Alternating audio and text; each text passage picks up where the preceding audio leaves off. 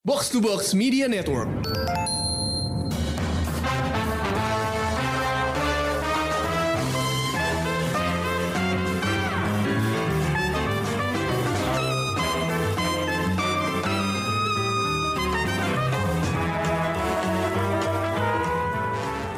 Halo pendengar Showbox, balik lagi bareng gue Amy dan kali ini gue bakal nge-review sebuah film yang baru aja tayang. Judulnya agak sulit nih. Where the Crawdads Sing. Nanti kita bakal bahas arti dari judul ini. Tapi film ini adalah film mystery thriller slash drama slash romance. Banyak banget ya dalam satu film genrenya. Tapi memang seperti itu uh, yang di apa ya dijabarkan oleh novelnya juga. Karena ini adalah adaptasi dari sebuah novel bestseller di Amerika. Judulnya sama, Where the Crawdads Sing, dan sekarang menjadi sebuah film yang dibintangi oleh Daisy Edgar Jones barengan sama Taylor John Smith, Harris Dickinson, David Strathairn, Garrett Dillahan, Michael Hyatt, Sterling Macer Jr. dan Anna O'Reilly. Naskahnya itu ditulis sama Lucy Alibar. Dia co-writernya Beasts of the Southern Wild. Nah, mungkin udah dapat sedikit uh, indikasi nih filmnya seperti apa karena udah ada uh, co-writer dari Beast of the Southern Wild ya.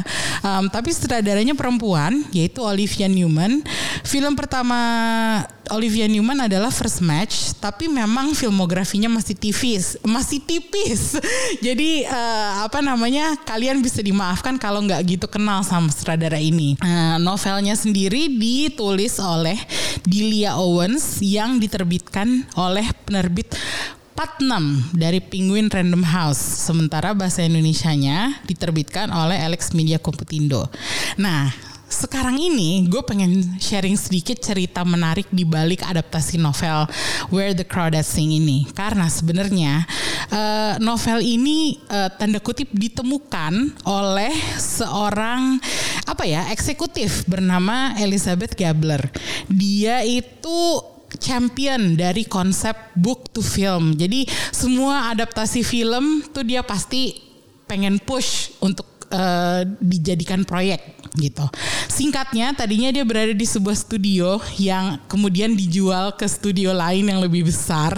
Uh, terus setelah keluar dari studio dia yang pertama itu, dia uh, bikin 3000 pictures. Uh, 3000 pictures ini menjadi divisinya Sony Pictures yang didirikan bersama penerbit buku lainnya bernama HarperCollins.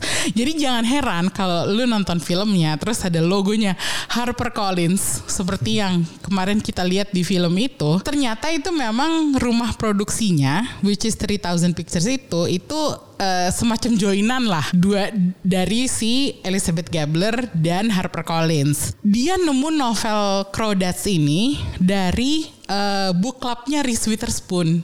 Terus dia ngajak Reese Witherspoon buat adaptasi novel ini menjadi film. Dan mereka ngerekrut Lucy Alibar tadi yang nulis Beast of Southern Wild. Akhirnya terjadilah proyek ini yang akhirnya di approve oleh uh, Sony Pictures. Nah terus ke depannya 3000 Pictures ini bakal ngeluarin lebih banyak lagi novel-novel lain untuk diadaptasi ke film. Uh, ada Kazuo Ishiguro kalau nggak salah gue lihat. Ada Lady Chatterley's Lover. Jadi banyak banget uh, proyek 3000 Pictures ini yang ke depannya bakal kita lihat. Bareng gue udah ada Krisna. Hai Krisna. Halo Emi. Dari tadi gue cuap-cuap Krisna dengan uh, dengan diam duduk ke sabar menunggu gue selesai ngomong. Uh, Krisna bareng gue nonton ya uh, Where the Crawdads Sing ini. Uh, lu bisa nggak sharing sedikit tentang sinopsis dari filmnya Chris? Hmm, tapi sebelum ke sinopsis soal Elizabeth Gabler tadi mungkin Kenapa? banyak yang belum ngerti champion tuh apa sih? Oh, nah. champion. Bisa dibilang dia itu apa ya? Uh, ratunya, pendukung. Intinya dia itu selalu mengadaptasi novel film. Jadi dia kayak emang studio udah nunjuk dia untuk proyek-proyek kayak gini gitu. Iya, ya? sepertinya uh, proyek-proyek Elizabeth Gabler yang dia tanganin selama ini bahkan waktu dia masih di studio hmm. lamanya Uh, itu adalah uh, film-film yang diadaptasi dari novel atau buku gitu. Salah satunya yang gue lihat uh, dari LA Times itu adalah Hidden Figures. Oh, oke. Menarik banget sih kalau menurut gue si Elizabeth Gabler ini gue nggak penasaran sebenarnya dia proyek-proyek masa depannya apa aja karena sepertinya lumayan banyak Masih sih. banyak kayaknya. Masih banyak. ha. Oke, lanjut ke sinopsisnya berarti ini ya. kan? Jadi ceritanya sih ini settingnya kayak di daerah salah satu di daerah di Amerika Serikat, tepatnya di Carolina Utara. Tepatnya lagi di sebuah kota kecil yang namanya Barkley Cove. Eh, setting tahunnya sendiri tuh kayak start dari akhir 50-an sampai 60-an ya. Perjalanan Iya. ininya, ceritanya. Jadi ceritanya itu tentang seorang anak perempuan namanya Kaya. Dia tinggal di eh, Mars atau Mars atau eh, Paya gitu ya. Mungkin kita bilang kayak semacam Rawa. rawa lah gitu ya. Dari kecil dia tinggal di situ. Terus dia hidup dengan keluarga yang sama sekali nggak ideal. Kacau banget yang bapaknya yang bener-bener sangat abusive, yang tukang mukulin ibunya dan kakak-kakaknya gitu. Termasuk kayaknya sendiri gitu. Sampai akhirnya keluarga-keluarganya itu nggak tahan lagi sama bapaknya sampai akhirnya pergi ninggalin bapaknya kayak ibunya dan kakak-kakaknya ninggalin kaya dan bapaknya berdua aja gitu karena dia masih kecil gitu ya. Jadi dia belum berani untuk minggat juga. Jadi akhirnya ya berdua aja bapaknya dan ya karena dia masih tinggal di rawa gitu ya. Jadi di lingkungannya pun dia lumayan dikucilkan gitu ya masa kecilnya. Makanya tragis banget sih ini. Kayak dianggap aneh dan nggak diterima sama anak-anak sepantarannya lah. Karena nggak ya dengan penampilannya yang lusuh yang Dekil. dekil yang nggak nggak pernah pakai alas kaki gitu kan. Tentang dengan kakinya yang berlumpur gitu. Jadi akhirnya dia nggak bisa sekolah juga karena dia terus dikucilkan kan gitu. Akhirnya dia juga tapi un- untungnya masih ada lah gitu di di sini digambarkan ada orang-orang yang peduli sama kaya. Nah salah satunya dua ya ada sepasang suami istri Iya. eh, namanya Jampin and Mabel. Itu dia kayak pemilik toko serba ada gitu ya. Kayak juga eh, untuk hidup gitu eh, ngambil-ngambilin apa semacam kerang gitu ya Iya kerang. Kerang, terus kerang akhirnya- air tawar ya. kerang air tawar yang akhirnya dijual ke situ gitu terus ya akhirnya di, di perjalanan hidupnya terus berlanjut akhirnya dia punya teman lagi yang aslinya tuh teman kakaknya yang udah cabut namanya si Tate nah ya udah dari situ hidupnya terus berkembang yang wah bener-bener naik turun lah ya. Ada momen-momen yang terasa penuh harapan ada yang momen bener-bener down gitu. Sampai akhirnya terjadi pembunuhan di misterius lah di, Iya. di daerah itu. Dan ya karena dia memang sudah kayak dicap sebagai orang aneh gitu ya. Iya. jadi akhirnya dia yang ter- dianggap sebagai tersangka utama gitu ya dari situlah mulai mulai semakin penuh intrik film ini Nah makanya itu dia menurut gue campuran genrenya banyak banget ya. Iya, betul. Kalau bukunya sendiri eh, menjabarkan buku ini tuh sebagai sebuah cerita coming of age dan menurut gue itu Iya, benar betul ya nggak sih? Eh, meskipun eh, ada trum dramanya, Iya. ada romansnya, terus ada eh, apa namanya eh, cerita tentang si kayanya tuh menjadi seorang naturalis. Iya itu emang intinya tuh banyak banget gitu eh ah, benang-benang dari plot utamanya gitu. Cuman eh, untungnya kayaknya nggak terlalu ngebingungin ya. ya rapih lah. Ya, tapi sebelum kita masuk ke filmnya, gue pengen dulu nih, Chris ngebahas judulnya, interpretasi dari judulnya, karena crawdads itu tuh sebuah kata yang jujur aja gue belum pernah kurang, denger kurang sebelumnya. familiar gitu Iya. ya. bahkan mungkin untuk orang yang cukup fasih berbahasa Inggris pun ini Iya. kurang jarang dipakai ya Karena ternyata crawdads itu slang untuk crayfish. Oh. Sejenis lobster eh, udang lobster kecil gitu ya lobster kecil i- air tawar yang tinggalnya di rawa Hmm. gitu. Dan menariknya lagi di sini dibilangnya crawdad sing, menyanyi. Padahal sebenarnya mereka nggak bisa nyanyi, nggak ada suaranya. bahkan nggak bersuara Iya, dia dia bahkan bukan bukan burung, bukan bukan suatu hewan yang bisa mengeluarkan suara gitu. Tapi di judulnya diindikasikan bahwa mereka bisa nyanyi. Nah, ternyata ini adalah sebuah kiasan di mana eh, yang dijelaskan tuh sebenarnya adalah tempat di mana crawdads bernyanyi itu adalah tempat di mana makhluk hidup bertingkah dan bertindak seperti apa adanya sesuai hakikat alamiahnya. Wow, Jadi dalam ya? Dalam banget, dalam banget. Kalau lu bisa Google sendiri ya. Eh, ini adalah sebuah istilah yang dipakai sama pengarangnya karena ibunya si pengarang ini sering pakai istilah ini. Ah. Jadi sepertinya itu hal yang lumayan personal gitu. Tapi gue menangkapnya ini adalah eh, sebuah interpretasi di mana hewan liar bahkan manusia sekalipun itu harus memikirkan tindakan untuk keselamatan mereka untuk survival, gitu. Survival instinct lah ya. Iya, jadi kayak tinggalnya di alam bebas juga seperti binatang binatang liar. Iya. Dia pun harus memikirkan survival dirinya gitu. Apalagi dia tinggal sendiri kan Iya. dari kecil. Dari kecil cewek lagi kan. Jadi dia tinggal sendiri, nggak ada yang bantuin, nggak ada yang ngelindungin. Jadi dia harus melindungi dirinya sendiri. Gua rasa sih interpretasi ini ya secara personal ini yang yang gue tangkap gitu. Apakah- Ditambah lagi dia hidup di situasi sosial Amerika yang masih lumayan diskriminatif kan. Iya betul betul. Eh, kita bisa ngelihat di filmnya dia berapa kali harus ngumpet dari Iya. petugas sosial ya. itu lumayan ini sih kayak agak mencekam juga tuh bagian-bagian lumayan menegangkan itunya. gitu Iya. ya. Karena kita Makanya. udah kayak mulai peduli juga sama si Kaya. Iya, iya betul. Makanya eh, judul ini sebenarnya maknanya deep banget. Makanya gue tertarik untuk ngebahas judulnya juga, yaitu karena ternyata itu bukan cuman judul keren-kerenan doang, tapi ada maknanya gitu. Dan gue pengen sharing aja sih. Tapi oke nih, sekarang kita mulai eh, ngomongin filmnya ya. Gue tertarik banget sama Daisy Edgar Jones. Lo waktu berapa bulan lalu udah nge-review filmnya dia di Fresh kan ya, yang waktu itu tayang di eh, OTT. Iya. Nah, sekarang dia main film bioskop, film gede nih. Akhirnya melihat dia di layar lebar ya. Iya.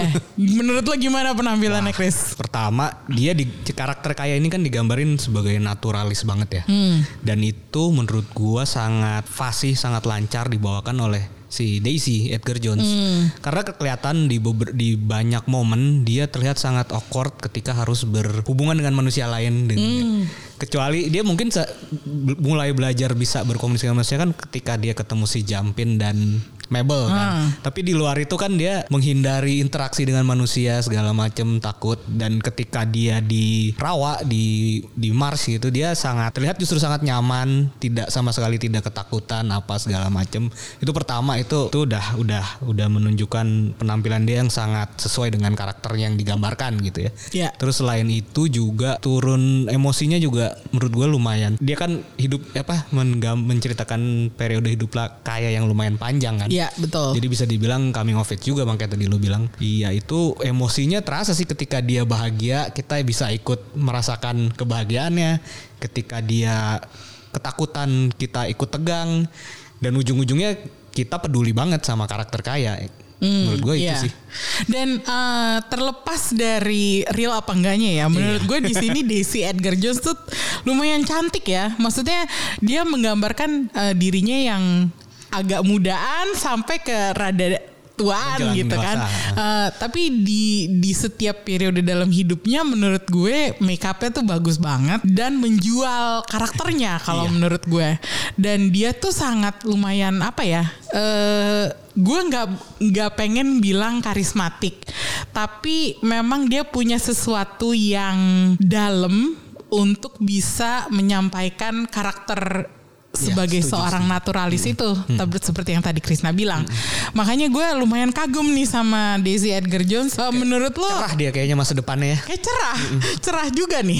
Tapi gue pengen tahu deh kalau lo bandingin penampilan dia di thriller seperti Fresh dan thriller juga kan ini Where the Crowd Sing lebih lebih kuat yang mana? Kalau menurut gue sih jelas lebih kuat di film yang ini ya di Where the Crowded Sing per karena eh, range emosi yang dia mainin di sini jelas lebih luas kan. Oh. Karakternya juga lebih lebih apa ya lebih berwarna mungkin di hidupnya gitu. Maksudnya nggak nggak nggak seperti yang eh, sehari-hari kita temui juga gitu kan. Banyak naik turunnya segala macam. Jadi di sini dia, dia lebih terlihat range actingnya sih. Oh iya, iya. Makanya kita bilang dia masa depannya cerah karena range-nya itu lumayan Ternyata luas. oke banget ya. Oke banget gitu. Tapi kalau kita ngomongin eh, ceritanya yang tadi gue bilang benang-benangnya tuh banyak gitu. Ada tentang drama kehidupan kaya yang mengenaskan kan tadi seperti kisah keluarganya, Terus ada juga kisah cinta dia sama dua laki-laki. Ini ada satu Tate yang diperankan oleh Taylor John Smith. Dia tuh blonde, blue eyed, American boy next door type gitu ya. Kalau yang satu lagi yang kedua itu Chase diperankan oleh Harris Dickinson yang lebih Popular quarterback Iya. American football player gitu. tapi dia semacam tall, dark, and handsome kalau menurut gue, bukan boy next door. Terus tiba-tiba ada pembunuhan, misteri pembunuhan di mana kayak jadi tersangka. Ini dari semua cerita ini, mana yang paling menarik buat lo, Chris? Kalau gua leb, tet- eh, tetap perjalanan si kayanya sih kayak cukup apa ya bisa bikin gua ke hook gitu dari perjalanan hidup dia mulai dari dia pas masih kecil menghanyutkan gitu perjalanan hidup dia tuh kayak dari dia masih kecil mulai ditinggal dia mesti mulai belajar hidup sendiri dari dia mulai kira sudah bisa beradaptasi dengan kehidupan dia di rawa tapi dia harus mulai beradaptasi dengan kehidupan sosial dengan Ya, manusia lain oke. itu itu dan sampai akhirnya dia harus terlibat dengan masalah yang gede gitu ya itu Mm. itu menurut gua porsi coming of age sih yang paling gua suka walaupun Iya, iya. eh, bagian courtroom dramanya walaupun nggak apa ya secara menit mungkin nggak terlalu banyak ya tapi Screen time-nya dikit screen ya. time-nya dikit tapi itu juga cukup menarik sih buat gua tapi tetap favorit gue sih bagian perjalanan hidup sih kayaknya Mm. termasuk romansnya juga yang naik Kalau menurut gue, justru romansa itu yang paling menarik sih. Iya. Gue gue nggak percaya gue ngomong ini karena gue bukan penggemar romans sama sekali. Tapi maksud gue dari semua faktor eh, dalam ceritanya, coming of age-nya kayak itu sangat terkait dengan Tate dan Chase. Kalau menurut gue ya, Iya. karena kita di sini bisa ngelihat gimana emosinya kayak yang naik turun tadi kita sebut di awal itu, itu dipengaruhin banget sama dua, Dua cowok orang ini. Dan kita bisa ngelihat perbedaan antara cintanya kayak ke Tate dan cintanya kayak ke Chase. Di mana waktu dia sama Tate itu tuh masih naif, masih apa ya, masih polos lah intinya. Dia kayak ingin eh, apa ya, ingin melihat yang terbaik dari sosok si laki-laki ini. Sementara sama Chase itu kelihatan banget dia tuh udah kayak lebih le- udah lebih dewasa ya. Iya, udah lebih dewasa dan lebih mengerti bahwa ah lo nggak mungkin sebagus itu. gitu. Kalau menurut gue itu sangat menarik ya perbandingan dua dua dua laki-laki itu di mata kaya itu terlihat jelas banget meskipun bisa dibilang itu bukan sudut pandang yang apa ya yang lama banget dari kaya kan karena kita ngeliatnya sebagai orang luar gitu kan. Makanya gue Nah kaget itu itu itu salah satu kelebihan dari aktingnya si Daisy Edgar Jones Nah, ya. iya, iya, Kita bisa benar-benar. ngerti apa yang ada di pikiran karakternya gitu kan. Ya, itu dia. Makanya gue merasa eh, bagian romansnya surprisingly sangat compelling dan menarik banget buat gue untuk ikutin. Dan gue ke hooknya di situ Eh, apa hubungan si Kaya dengan dua lelaki ini. Meskipun gue merasa porsi masing-masing ceritanya tuh ya itu kayak yang tadi lo bilang courtroom dramanya menarik tapi Kurang. screen time-nya kurang gitu. Jadi apa ya? eh, menurut lo ada yang berat sebelah nggak sih? Eh enggak sih karena menurut gua tetap ini cerita utama film ini tentang perjalanan hidup kaya di mana salah satunya dia harus melewati proses pengadilan. Jadi tetap menurut gua tetap pas sih karena Hmm. Oke. itu bukan bukan fokus utamanya juga gitu. Kayaknya kalau misalnya kita lebih ngefokusin ke courtroom dramanya filmnya bisa jadi tiga jam. Iya. Soalnya ini aja filmnya udah lumayan panjang ya, dua jam eh, sedikit lebih gitu. Um, tapi gue pengen tanya deh kemarin kan waktu kita habis nonton eh, Ulil produser kita tiba-tiba tuh kayak apa namanya, ah gue kaget gitu dengan konklusi dari ceritanya si Kaya ini gitu. Eh, menurut lo konklusi dari cerita dia secara keseluruhan itu memuaskan apa enggak? Bisa dibilang memuaskan sih. Maksudnya dari sisi Eh, dari semuanya Dari segi- semuanya, dari, dari- segi kehidupannya dia Iya. dari segi cintanya dia dari segi misterinya itu yang yang Si- yang enggak si kasus ya yang si kasus yang tidak secara dia itu. eksplisit dijelaskan akhirnya gimana itu menurut lo konklusinya oke apa Walaupun gua bisa lumayan bisa menebak sih. Nah, oke. dengan semua konklusinya yang diceritain ya mulai dari bagian romansnya, mulai dari bagian courtroom dramanya, kasus pembunuhannya apa segala macem. Itu sebenarnya lumayan bisa ketebak, tapi cara untuk mem- membawa kita sampai ke situnya itu menurut gua terasa sangat alurnya tuh sangat menghanyutkan gitu membuat eh, tetap bikin kita penasaran ini gimana ya bisa sampai kira masalah ini selesai dan akhirnya ba- bagaimana akhirnya si kaya bisa eh, menjadi dirinya yang dewasa akhirnya gimana. Itu menurut gua itu bisa tersampaikan dengan baik semua sih Hmm, jadi gue oke. cukup meninggalkan studio bioskop tuh dengan perasaan cukup puas sih dengan Hmm. dengan semua yang sudah gue lihat dengan da- apa dalam perjalanan hidup si kaya gitu. Hmm. Karena gue merasa kalau ada orang yang eh, mengetahui, karena kalau lo ngeliat trailer filmnya, ini kan seakan-akan pembunuhan, misteri pembunuhan yang melibatkan kaya ini tuh adalah bagiannya lumayan Cerita besar utama gitu, gitu. fokus Ha, utama. porsinya lumayan besar gitu dalam hidup kaya ini. Jadi eh, sepertinya kalau itunya nggak dijelasin dengan gamblang, gue takutnya ada orang yang nggak puas gitu. Tapi kalau gue sendiri pribadi sama kayak lo bahwa gue meninggalkan bioskop dengan perasaan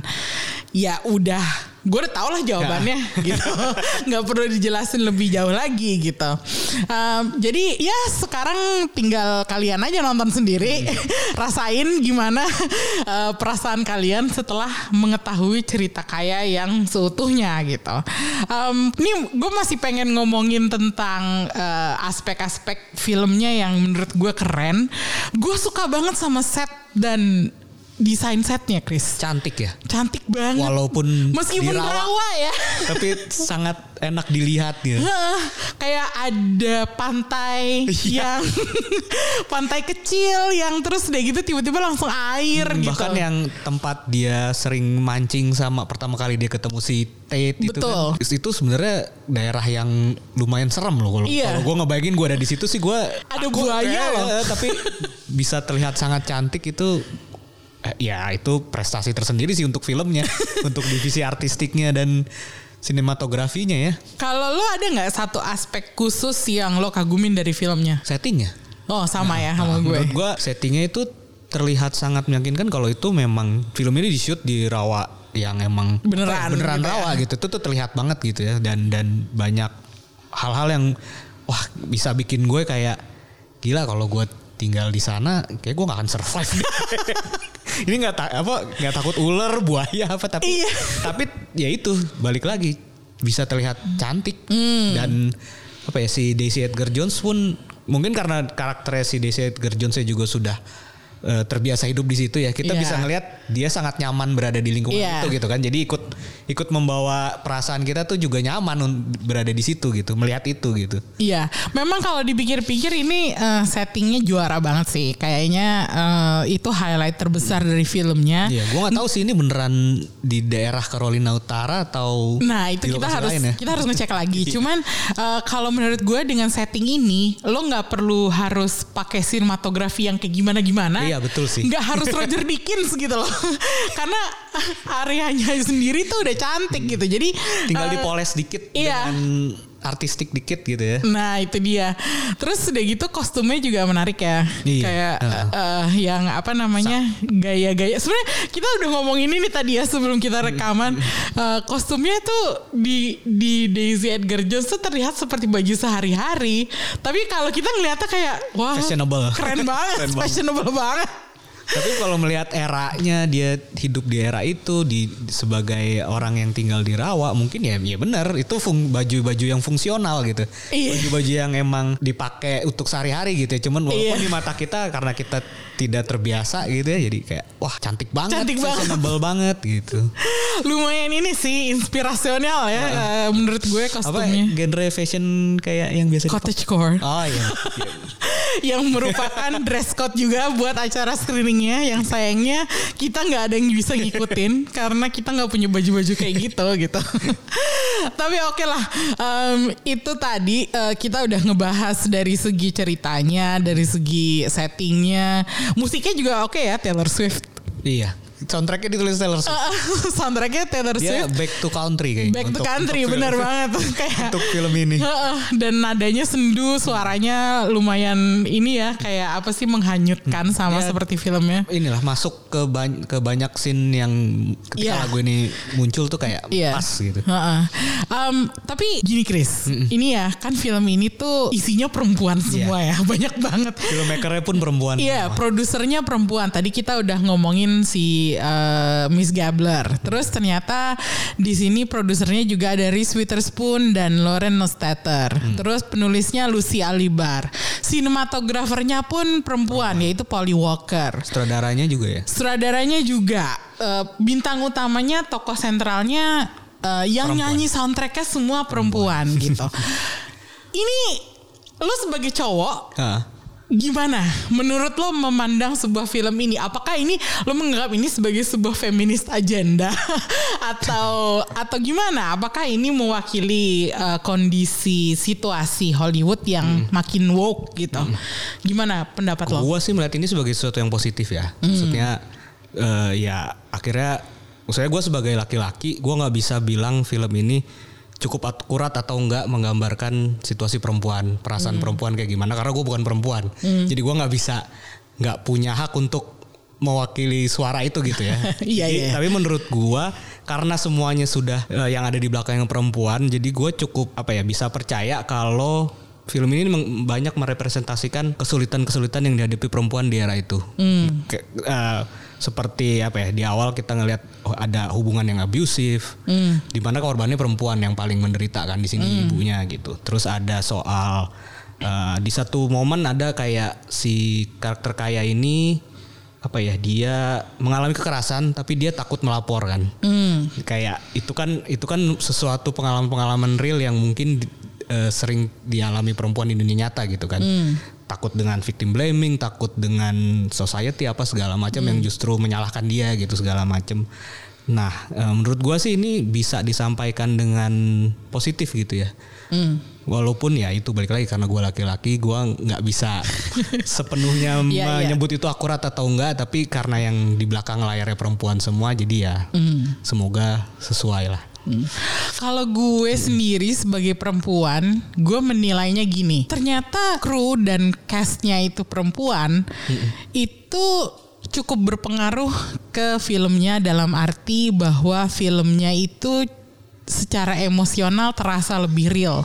Sensitivitasnya. ya. Iya, sensitivitasnya tuh lebih tinggi daripada film-film kebanyakan. Nah, itu gue setuju sih. Nah, Kayak- jadi kayak ada semacam suara yang menceritakan film ini dan suara itu adalah suara perempuan gitu. Jadi kalau lo nanya sama gue ada pengaruhnya apa enggak? Ada, Hmm. jelas. Tapi itu tidak mengurangi kenikmatan kita buat nonton film. Iya. Jadi kalau menurut gue film yang dibikin sama perempuan atau laki-laki itu sebenarnya sama aja. Kayak lo tuh nggak usah mandang gender kalau lo lagi menilai sebuah film Iya, gitu. betul. Cuman memang nggak bisa dipungkiri bahwa film ini terasa banget eh, suara perempuannya. Gue nggak bilang ini agenda feminis ya, karena gue jujur aja, gue nggak merasa seorang feminis. Tapi ini langkah yang positif banget kalau buat gue untuk melihat bagaimana perempuan itu bisa menyuarakan sebuah film dengan lebih apa ya, lebih kencang gitu suaranya, meskipun nggak harus dengan efek yang bombastis gitu atau action yang Nah ya gue sukanya di situ. Di sini kita bisa ngelihat kayak itu sosok perempuan yang kuat banget. Nggak perlu lewat uh, kuat secara fisik atau kuat atau secara apa, tapi dia bisa hidup mandiri. Dia bisa uh, hidup mandiri dan dia bisa menemukan bakatnya. Iya. Dia pintar tanpa melewati pendidikan formal bahkan gitu kan. Dia bisa bisa dan akhirnya dia bisa hidup dari situ gitu. Itu menurut gua udah cara yang apa ya mungkin cukup progresif untuk menggambarkan bagaimana sebenarnya perempuan yang kuat gitu. Iya, self awarenessnya kaya itu sesuatu yang sangat gue kagumin. Meskipun dia tinggal di rawa, dia dikucilkan, dia nggak begitu sosial, tapi dia bisa menentukan apa yang terbaik buat Iya, dirinya itu gitu. kan. Itu itu sangat inspirasional kalau buat gue ya.